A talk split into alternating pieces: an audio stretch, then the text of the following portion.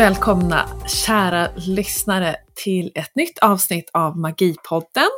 Idag med mig Eva Dannecker och med mig har jag en gäst som heter Andrea Larsdotter. Hon är dramatiker och skådespelerska.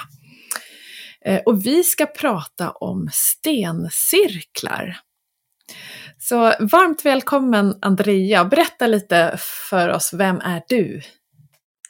Eh, ja, du sa ju det hela. Jag arbetar som skådespelerska och dramatiker.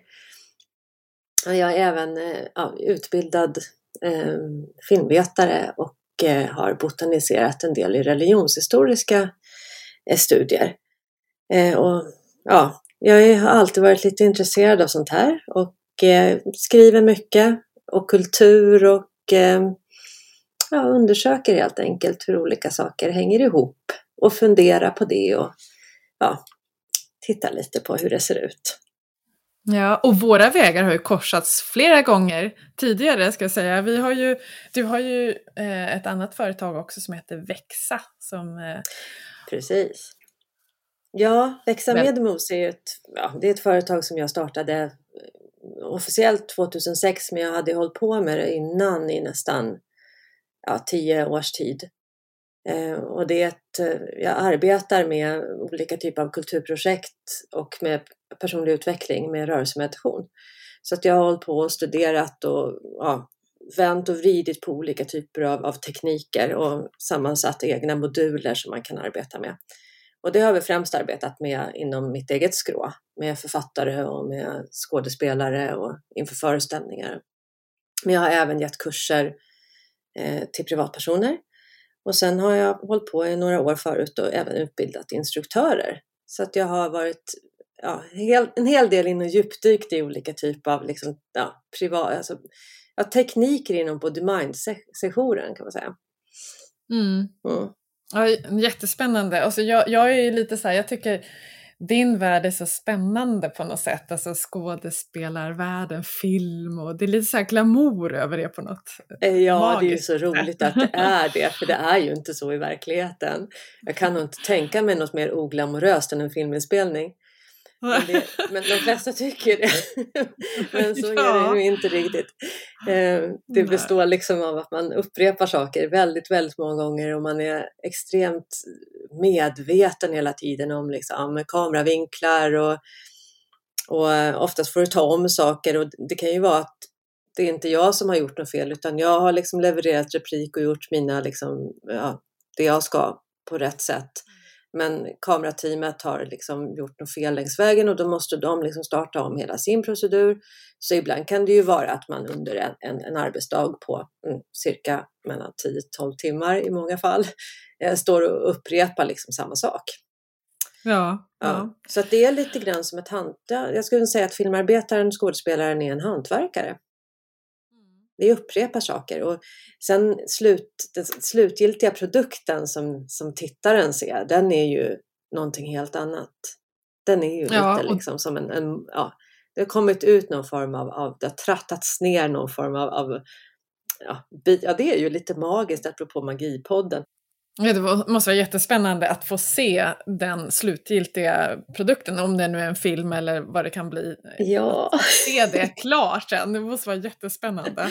Ibland, ja. ibland är det ja, väldigt ibland. jobbigt också kan jag säga. Ja. Ibland tycker okay. man ju inte att det var liksom att slut, den slutprodukten som man, för, för många arbeten, det beror på vem man arbetar med, men vissa regissörer har ju en förkärlek för att man tar om många gånger och andra har ju inte det.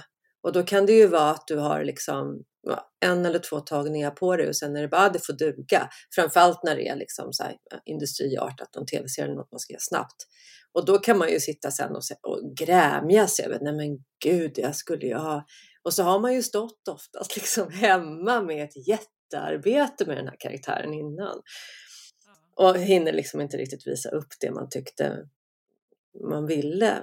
Och, ja, så det, det, ser väldigt olika ut beroende på vilket jobb man... Men för det mesta så är det ju väldigt spännande. Och, ja, eh, ja. ja och man har ingen aning hur Nej. det slutligen ser ut oftast. Nej, precis.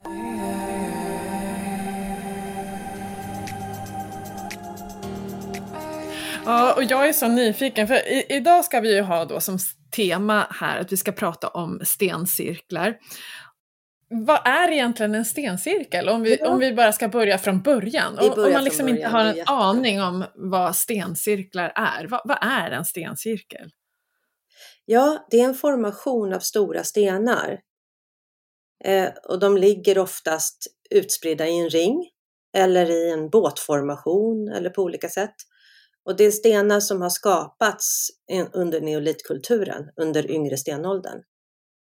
Och troligen så användes de här cirklarna eller domarringarna som det heter på svenska främst i rituellt syfte eller i astronomiskt. Så man använde dem som en praktiker när man utförde olika typer av ritualer inom den kulturen. Och stencirkeln har, besökt... har, väl liksom, ja, den har ju funnits länge. Det här, vi pratar ju liksom om eh, ja, 2-3 tusen år innan, ja, innan våran tideräkning som de här mm. byggdes. Mm. Mm. Ja, och det är ju väldigt fascinerande hur man kunde bygga många av dem, för de är ju enormt stora stenar ofta. Uh, jag har ju varit i ja, Sverige. Ja, de är fem, här på, fem meter. Ja, Oj, precis. Nu, nu, nu bröt vi varandra, fortsätt.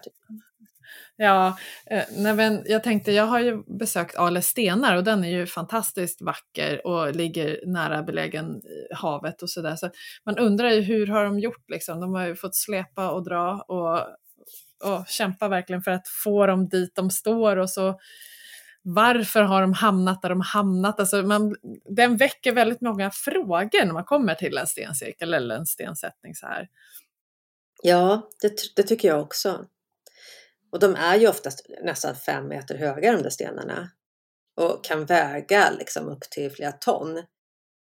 Och jag tror liksom att det krävdes, eller vad jag åtminstone har förstått så historikerna säger att det krävdes upp till hundra personer för att kunna flytta en sån här sten. Och de hamrades oftast ut, det är därför de ofta är placerade nära hav och klippor. Det är att man hamrade ut de här stenarna ur berg sådana formationer, alltså det som stack ut normalt och kanske vid kusten, så var det lätt att ta loss det på något vis och, och, och fästa det med någon form av, av, av liksom rep och sen få upp det och sen ja, så flyttade de det tillsammans med stockar. Lite grann som, kommer du ihåg Barna Hedenhös som man läste? Nej, som läste jag när jag var liten i alla fall. Ja, just Där det. finns det ja. liksom nästan som en demonstration av hur de gjorde när de ja. flyttade saker. Ja. Så det är lite grann som man tänker sig, man har ju sett lite sådana här filmer om hur de byggde pyramiderna och hur mycket stavar och människor som behövdes för det. Och här kan man nog tänka sig att det var ganska många som ja, fick släpa och slita en hel del i sina liv för att få de här stora stenarna på plats. Mm, mm. Och det byggdes också ska... troligtvis också, alltså att det var flera generationer som byggde det här. För att bygga en, en cirkel, för det, det, det, att bara flytta en sån sten tar ju ett tag. Yeah.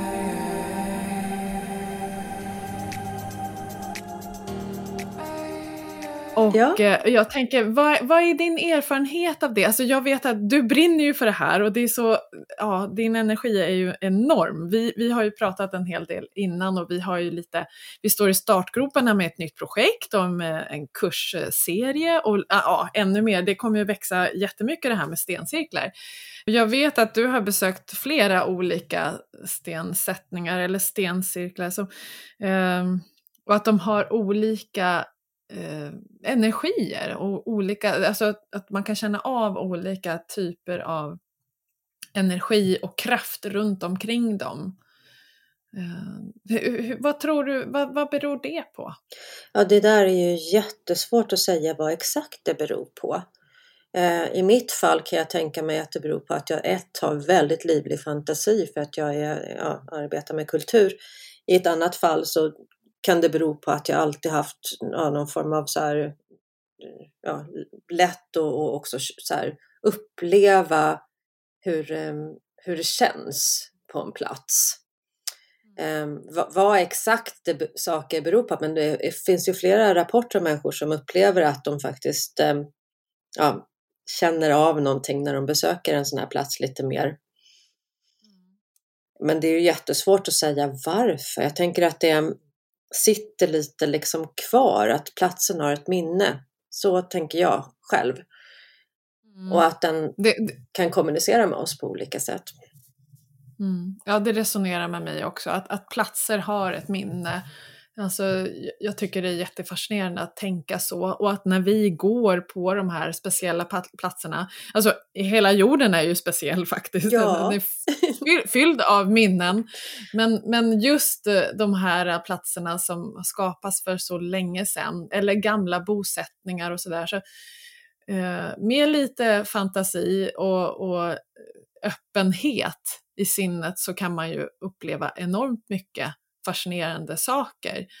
Ehm, och sen som du säger, det, det är ju svårt att säga vad exakt är det, men, men för mig räcker det med att uppleva. Ja, det gör det nog för mig också. Jag känner inte att jag behöver ha ett, ett, liksom ett slut. Jag tror aldrig att jag kommer få ett slutgiltigt svar på detta heller. Utan man kan titta på det ur en, ja, ur en akademisk vinkel och mer bara tänka, ja, vad har forskarna kommit fram till? Man kan titta på det utifrån hur man själv upplever det man kan leka med det utifrån fantasin. Det, det är liksom, jag tror inte att vi kommer någonsin att få ett svar, men fascinerande är det. Och eh, för mig, för du frågade mig hur det var när jag besökte de här platserna och det var ju lite speciellt.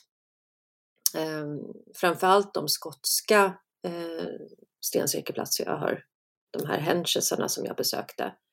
Och det var två av dem som liksom hängde kvar hos mig. Ja, det var Eh, framförallt var det en plats som heter Ring of Brodgar som ligger på Orkneyöarna. Och sen var det Kalani Stones som ligger på Isle of Lewis. Och eh, jag åkte dit, det här var 2009 och jag var gravid. Jag hade min son i magen där. Och jag var väl kanske i femte eller sjätte månaden när jag gjorde den här resan. Och det var ju speciellt i sig för att man, jag befann mig i tillstånd där man hela tiden funderar och undrar och liksom prata med sin mage lite och så. Ja. Eh, vilket kanske också gjorde till en viss del att, att min upplevelse vart lite dubbel eller förstärkt. För att det var lite, jag har, kanske därför jag vill tillbaks också. Jag har liksom varit gravid i stencirklarna, jag vill tillbaks utan att vara gravid. Men eh, Ring of Brodgar om vi ska ta den då, det, det, det, är liksom, jag kan starta med den. Den, är, den här cirkeln, och det är en stor cirkel som befinner sig ute på ett fält. Det är 27 stycken stora stenar som står kvar. Och från början var det 60 stenar som jag hade rest på det här stället. Um, och den stencirkeln har en, en um, väldigt mycket historia omkring sig att vara just att den användes för astronomiska syften. Att de studerade dagjämningar där och solstånd och så. Och jag satt ju ett, ett tag i, och satte, satte mig ner liksom och, och, mediterade i den här cirkeln och stannade ett bra tag och försökte fördjupa att liksom, ja, gå ner och känna vad känner jag här. Och det var just på den platsen som jag kunde höra hur det lät. Det var som en jätte, jätteskarp överton som nästan kom in, alltså från de här stenarna. Och det här, då får du ta i beaktande att det här var 2009. De här serierna och kulturaserierna som Outlander eller tidsreseserierna på Netflix och sånt, det hade ju inte kommit ännu. Så för mig var det väldigt så här, märkligt att det, det, var lite som att lyssna till något som var lite högre än en sån här ton som någon som har tinnitus beskriver. Som var runt omkring den här platsen. Och sen vart jag otroligt, otroligt lugn. Och kände att eh, ja, jag är här. Men jag är också någon annanstans. Det var som att sjunka ner i en djup, djup frid och en meditativ känsla. Och det där är ju också svårt att säga vad det berodde på. Jag kanske bara hade ätit lite mycket mat och var gravid så jag sjönk ner och liksom vart inspirerad av platsen.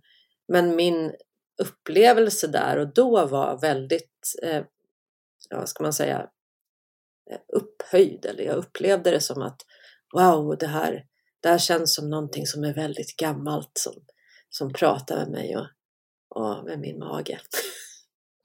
Ja, Både och det nya jag tycker och det gamla möttes liksom på något sätt. Ja, jag tycker det är fascinerande att du säger det här med att de här serierna inte hade skapats ännu. Och jag tänker att de filmatiseringarna kanske ja, de, den personen som har skapat dem har väl säkerligen också varit där och, och upplevt snarlika saker som dig. Och, och det tycker jag det tyder ju på att liksom, det är ju faktiskt någonting som finns där. Så det, är väldigt, det finns ju mycket skrivet om de här platserna men jag tror att vi, vi har ja. ju tillgång till en enorm mängd energi och, och, information om vi bara är öppna för det. Ja, det vore ju jättespännande att fråga Diana Gabaldon som har skrivit om alltså, bokserien som den här Outlander baserar sig på. För hon har ju verkligen beskrivit hur en eh, kvinna som lever på, jag tror att hon är på 1940-50-talet eller någonting, eller till och med 60-tal, som åker tillbaks till 1700-talets Skottland och det ställer till det lite i hennes liv för hon har en man i nutid och så träffar hon en till så det är också en väldigt romantisk historia. Men där reser just den karaktären, Claire, genom en stencirkel. Och då var det just att de här stenarna låter. Eh, och ja, det reagerade jag nog väldigt starkt på när jag såg den också. För jag tänkte, oj, hon måste gjort en väldigt bra research för så där, det där upplevde ju jag. Även ja, om jag precis. Inte, inte, men jag åkte inte till någon annan tid. jag nej, var, jag var kvar här. Men själva upplevelsen ja. av att, att man var paralyserad och det lät från stenarna, så var det för mig också.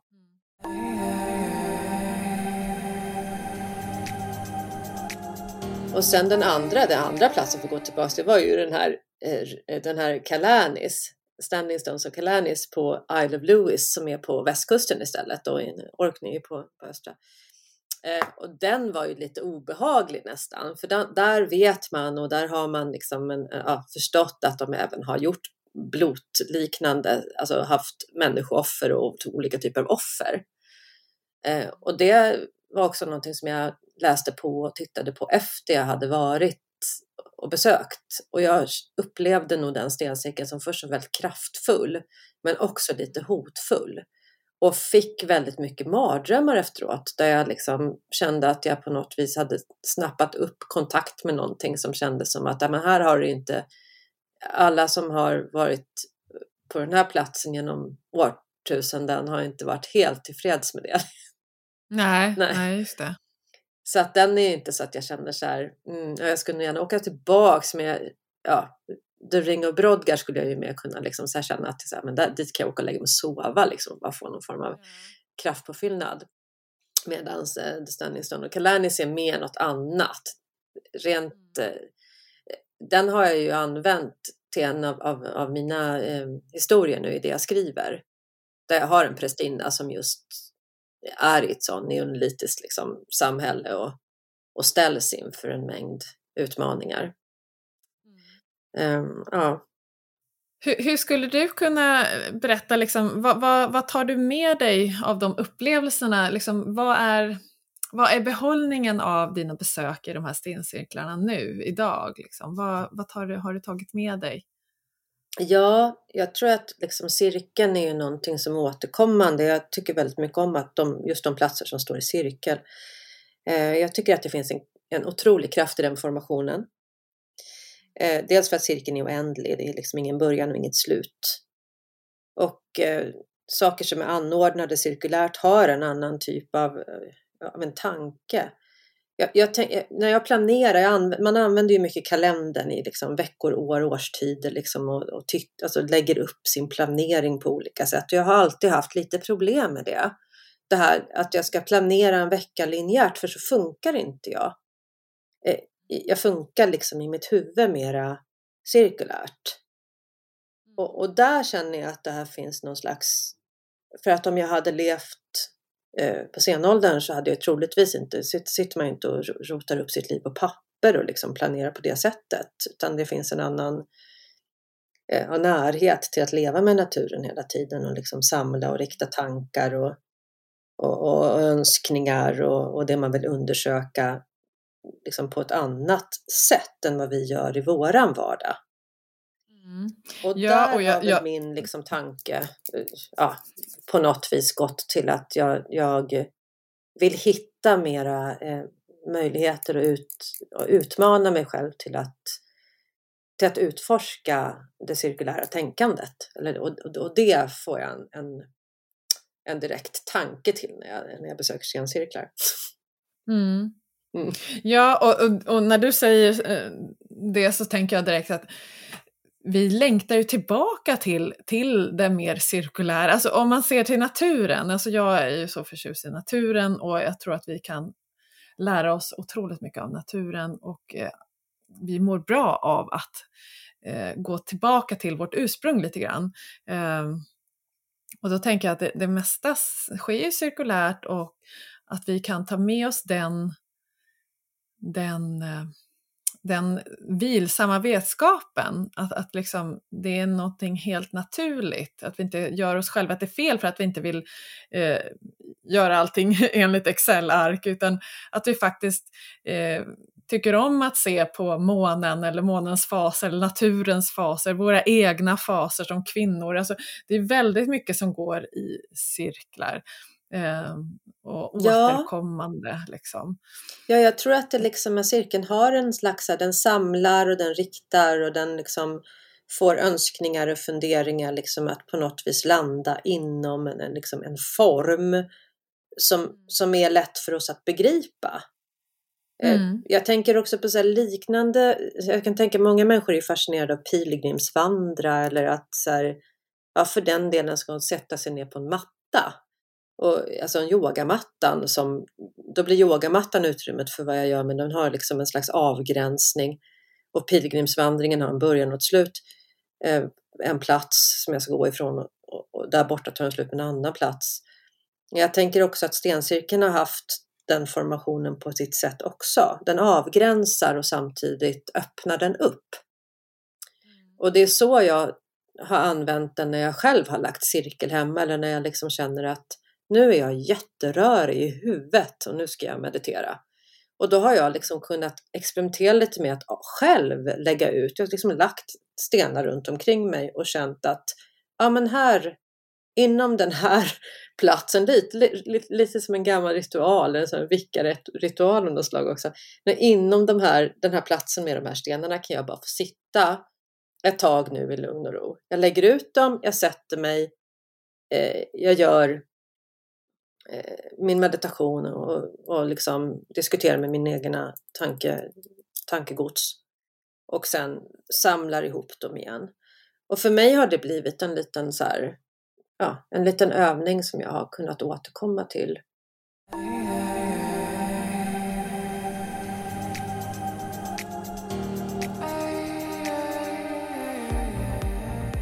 Ja, men jag är så nyfiken på Andrea, vad, vad tycker du är vardagsmagi? Vad är vardagsmagi för dig? Ja, det, det är många saker. Eh, dels så tycker jag att det är goda rutiner. Och för mig är det väldigt mycket att hitta liksom ett utrymme och plats för kontemplation och dans och reflektion och meditation i en slags eh, cirkel. Och för mig vävs det även in i mitt jobb. Och jag tror att för mig när jag både har haft en fot i eh, fantasi och kreativa redskap inom kultur och, och friskvård och sen en annan fot på universitetet i vetenskapens värld så har det också handlat väldigt mycket om att väva liksom ett, eh, ja, en bräda emellan det här, vad som är vad. Eh, och det blir också en slags rutin i mitt arbete för mycket är ju att sitta och, och leta research och ta reda på fakta om saker när jag skriver. Eller även när jag skådespelar. Om jag ska göra en karaktär så behöver jag, kan ju vara en, en person som har funnits. Och det kan ju också ha varit en fiktiv person men som har en del bakgrund där man behöver leta reda på vad, som, vad man ska ha för förutsättning och var den kommer ifrån. Eh, och lite likadant är det när man skapar karaktärer och, och skriver. Och för mig, har, när jag gör det här så har jag använt mycket av de rutiner som jag även lär ut i Växa i min, eh, ja, i min practice. För jag jobbar väldigt, alltså jag, jag, jobbar nästan som en liten ritual när jag, när jag tar fram ehm, eh, när jag tar fram och undersöker saker som jag sen skapar någonting ifrån. Mm. Jag, jag, tycker, jag blir så inspirerad för att ofta när man frågar så här, vad är vardagsmagi? Eh, så, så om du frågar någon som verkligen trivs i sitt liv och älskar sitt liv och levande så, så inser man eh, efter ett tag när man pratar om det att, att allt är ju vardagsmagi. Jag tycker det, det går som en röd tråd för mig nu när jag hör dig berätta också att men det är ju ett, eh, ett magiskt liv som du lever helt enkelt och har skapat dig. Ja, det får jag lov att säga att det är faktiskt. Det, det är jag väldigt nöjd med. Sen är man ju inte alltid nöjd som kulturarbetare för att man måste hela tiden liksom ligga på och fixa jobben och ska, man måste ju också skapa sig själv. Och jag tror att jag är en sån typ av kulturarbetare som har eh, återskapat mig själv väldigt många gånger om. Mm, mm. Dels för att jag har velat det och dels därför att det ligger nog i min personlighet att göra på det sättet. Och dels för att jag liksom har en, en, jag blir lite lätt uttråkad också ifall saker är för mycket slentrian. Jag måste utmana mig själv och jag måste hela tiden hitta nya sätt att göra saker på. Mm, och vilken fin väg till utveckling. Ja, det blir ju en typ av utveckling, det får jag lov att säga. Och ibland bakåtveckling ja. också. Så det, det är här tillbaka till det här med cirkeln. Det är faktiskt inte alls självklart att det är något linjärt i det här. Och jag tror att det är det som, för ibland har jag i mitt liv ja, med, alltså, för man sker ju också på privatlivet på olika sätt och det tycker jag också även, det pågår även där. Ibland utvecklas man framåt, ibland utvecklas man, alltså kan man säga framåt och bakåt? Eller jag tycker att många saker går i, i cirklar där man återkommer till liksom en fråga eller en känsla eller något man inte, och framförallt saker man inte har lyckats med, det måste man göra många gånger. Liksom. Um, och i det finns det också en slags vardagsmagi tycker jag. Ja. Det var någon, ja det var en man som, som så jag, kommer, jag vet inte här i vilket sammanhang jag fick fram det här, men det var en, så här, en, en kvinna som hade någon slags post där hon berättade på, på internet, tror jag, på Facebook säkert, om sin pappa som hade lärt henne från första början när hon var barn att när hon misslyckades med saker, då hade de liksom ett stort kalas. De firade väldigt sällan det man lyckades med. Men de firade otroligt mycket de saker som misslyckades.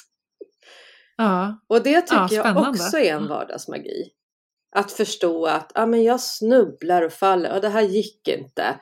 Eh, liksom, ja, när jag satt här med vårt nyhetsbrev här som, till din och min kurs här om, om, om för en vecka så, så, fick jag ju inte med länkar rätt och sådana saker och så hade jag redan skickat ut och så var det så här, ja men, ja men då fick man göra om och så får man göra om. Och där i det här, man har ju ett val där, att skratta åt det hela och se det som att men nu håller jag på med någon form av liten, nu, nu snurrar jag runt här i en liten, ja, jag har inte hittat rätt och jag tappade tråden. Ja, men då får jag göra om det en gång till. Och för mig är det liksom lite grann vad det mesta går ut på. Ja, och, och att kunna behålla ödmjukheten inför sig själv. Ja, och klappa på sig själv och säga ja men snälla du, det, det här är helt okej. Okay. Eh, du kan inte allt och du kan inte det här.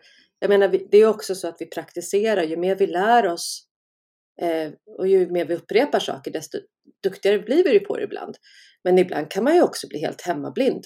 När man har gjort, det tänkte jag på när jag hade jobbat jättemycket med växa i flera år. Där jag hade haft alltså fyra, fem, alltså jag jobbade nästan varje dag i veckan med grupper och filmade och flängde och for åt höger och vänster.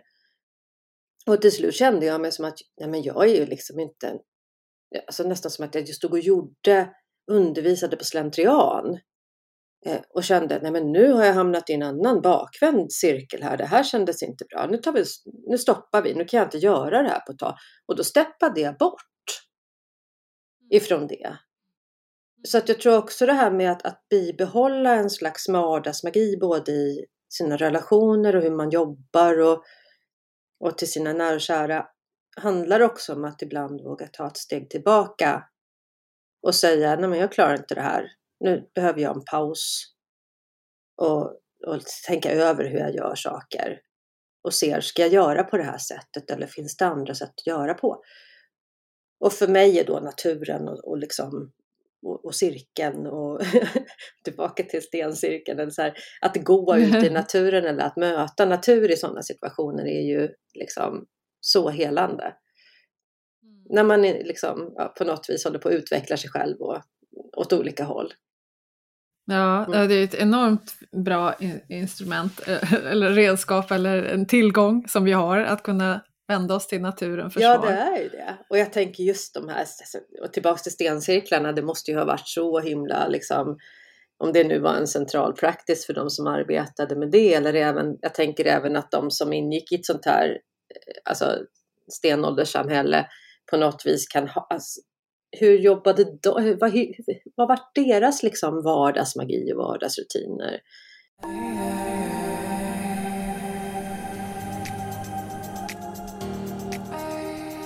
Hur, hur, skulle du vilja tipsa den som lyssnar nu hur man skulle kunna göra sin egen stencirkel eller hur vi kan använda oss av den här magin? Ja, alltså har man tillgång till en tomt och massa, där det finns massa stenar och sånt så alltså, det är ju helt magiskt att jobba utomhus. Det har jag gjort jättemycket. Att liksom, jag har gjort det ibland när jag har varit på en stor strand, att jag liksom, där är inte så mycket gå undan, där är inte så mycket folk. Och låna stenar från naturen, så kan man lägga tillbaka dem där man tog dem. Eller blir det väldigt vackert och fint ibland är det väl okej att man låter det kvar också. Eh, nu under pandemin när jag har varit hemma så har jag ju gjort stencirklar av eh, andra typer, alltså så, stenar som man, ja, köpstenar. Mm, Vad heter ja, det? Ädelsten, halv, halv, halvädelstenar.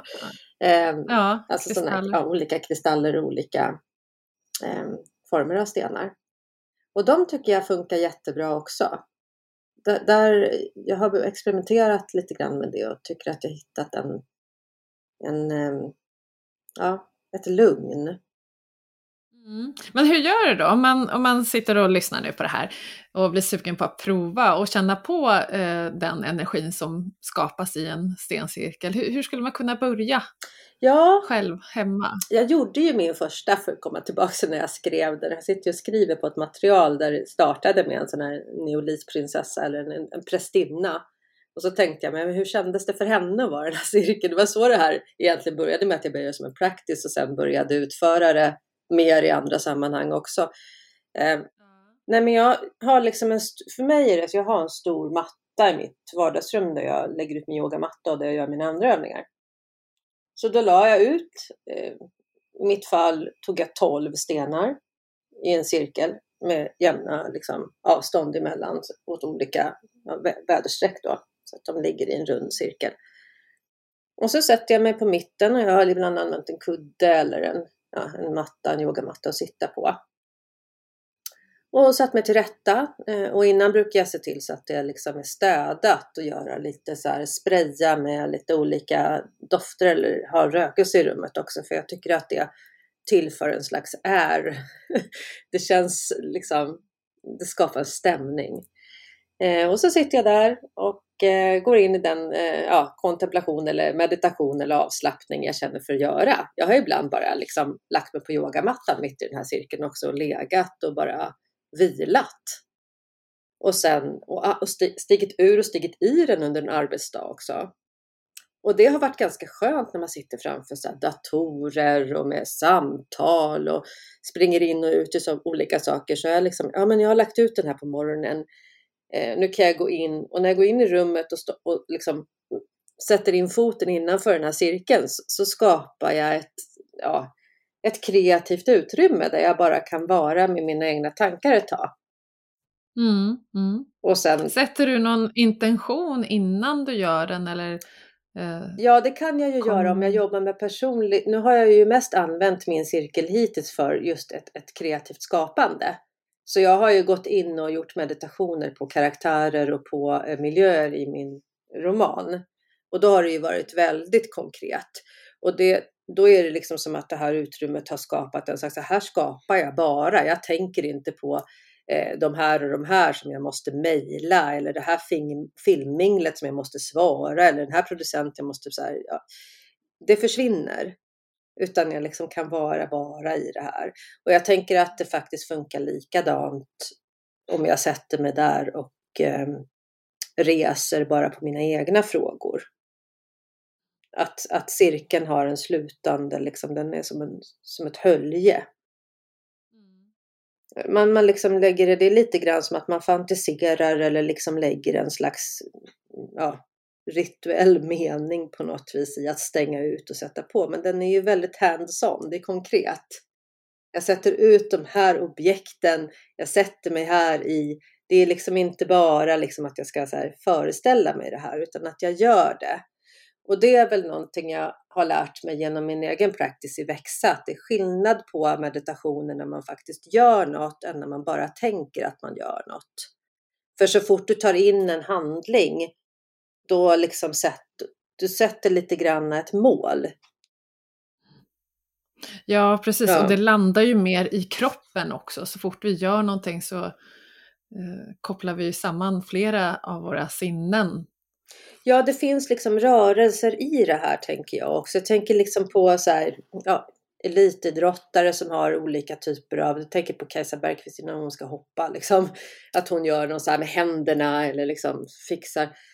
Och det där är ju idag liksom undersökt och man har kommit fram till att ja, det är liksom en förberedelse och det är liksom det här med att sätta en, en tydlig intention och, och liksom markera ett, så här, en målbild det gör skillnad mot att jag bara jobbar mot någonting diffust. Precis. Jättespännande. Vad kan man förvänta sig då? Alltså, eh, eller vad, vad, vad, vad, skulle du säga ge dina bästa tips? Ge mina bästa tips? Ja, för mig är alltså jag nu sitter ju jag och praktiserar mina övningar och sånt in i min cirkel och där är det ju mer så att jag liksom är, jag är ju konstant i någon form av skapande hela dagarna med, med, ja, med med platser och har miljoner lappar på väggarna och figurer och så här, alltså när jag är inne i ett, i, i ett, i ett arbete jag sitter och gör de facto. Eh, så då är det lätt, då blir det här liksom som en, men jag kan ändå förklara det för det liksom blir kanske konkret för när man har ett annat jobb så funkar det kanske ungefär likadant som mitt. Mitt arbetsrum liksom har flera datorer, det är fullt med lappar på väggarna, det är liksom post-it-lappar, det är olika liksom figurer ritade, jag gör saker för händerna och liksom ritar upp och, och, och, skapar bilder som jag sen sätter mig och kreerar och skriver manus utifrån. Eh, och om man tänker då att den här cirkeln då som jag har skapat för det här projektet, när jag går in och sätter mig i den så liksom har jag liksom på något vis fysikaliserat en plats som påminner, liknar om en plats som mina karaktärer besöker. Och då kan jag koppla bort det här höger, höger vänster hjärnhalva och gå ner liksom mer kanske i en djupandning eller meditationsform eller bara tankar där jag släpper loss min kreativitet att arbeta mer ner i amygdala och mer i den del av våra hjärna som skapar eh, bilder och drömmar och på så sätt få upp information till det jag håller på och skapar. Och jag tänker att det är, lite, det är precis på samma sätt jag gör om jag vill liksom så här, um, jobba med, med personlig utveckling privat och så. Då använder jag det ungefär på samma sätt. Det är inte själva, själva det, det jag gör är inte så stor skillnad. Nej, det var spännande. Jag blev så inspirerad till att själv eh, göra en cirkel. Och jag har ju tillgång till väldigt mycket natur och skog precis utanför dörren. Ja. Uh, det vore jätteroligt att få prova ja, men... på. Jag har faktiskt inte gjort någon egen än, ska jag säga. Och jag tycker liksom att det, alltså bygga dem ut i naturen är ju helt fantastiskt. Nu känns det ju som att de här alltså mindre liksom cirklarna, för mig har det varit också nu när man, både när man är hemma och det har varit covid och man går inte ut och jag, så här, jag bor ju i en lägenhet så jag har inte någon tomt att göra det på, annars skulle jag ha gjort det. Uh, men jag tänker också att det är liksom, ja, det är beroende på vilket ändamål man liksom vill, vill tillsätta lite energi till. Vill jag ha en, en, liksom en, en plats som jag kan återbesöka och ha, en fast plats? Eller vill jag ha en plats som jag kan liksom eh, lägga ut, ungefär som jag rullar ut yogamattan och gör vad som helst? Då är ju de här mindre stenarna i en liten påse väldigt behändigt att ha med sig på ett hotellrum och liknande, dit jag far ibland. Mm. Ja, vad spännande. Ja, och jag har sett tiden drar iväg här och jag vill ju passa på att tipsa våra lyssnare om att eh, vill man veta mer om stencirklar och vill man uppleva dem så är det faktiskt eh, en, eh, en serie kurstillfällen på gång under våren i samarbete med eh, Andrea och mig, Eva, på Vattumannen. Så Eh, vi kommer lägga upp länkar och sådär så du kan anmäla dig och vara med både i fysisk form eller via Zoom. Så var du än befinner dig så skulle du kunna få vara med och eh, praktisera stencirklar. Ja, och då kanske vi ska säga att det vi kommer göra är att vi både kommer att liksom djupdyka lite i och berätta lite om olika platser som vi faktiskt har besökt. Och en som vi inte har besökt. Jag tror att vi har valt lite utifrån de vi har redan varit på. för att det är lättast att starta där. Eh, och där kommer jag att gräva en del rent religionshistoriskt och vetenskapligt kring de här platserna och ta reda på. Så det är en del. Och sen kommer vi med massa olika övningar också prata om hur man kan använda de här typerna av, av associationer eller egna stenbyggen i sin egen vardag. Mm. Mm. Ja, jätte, jättespännande, ja. jag ser verkligen fram emot det. Det ska bli jätteroligt. Ja, det ska bli så kul. Och jag får, ja, ja, och jag är jätteglad att du kunde vara med oss här på Magipodden idag. Ja. Och tacka dig jättemycket Andrea och tacka dig som har lyssnat idag och eh, önska dig en magisk vecka så, så hörs vi snart igen. Ja. Stor kram till er allihopa! Hej då! Hej då! Hej hej! hej.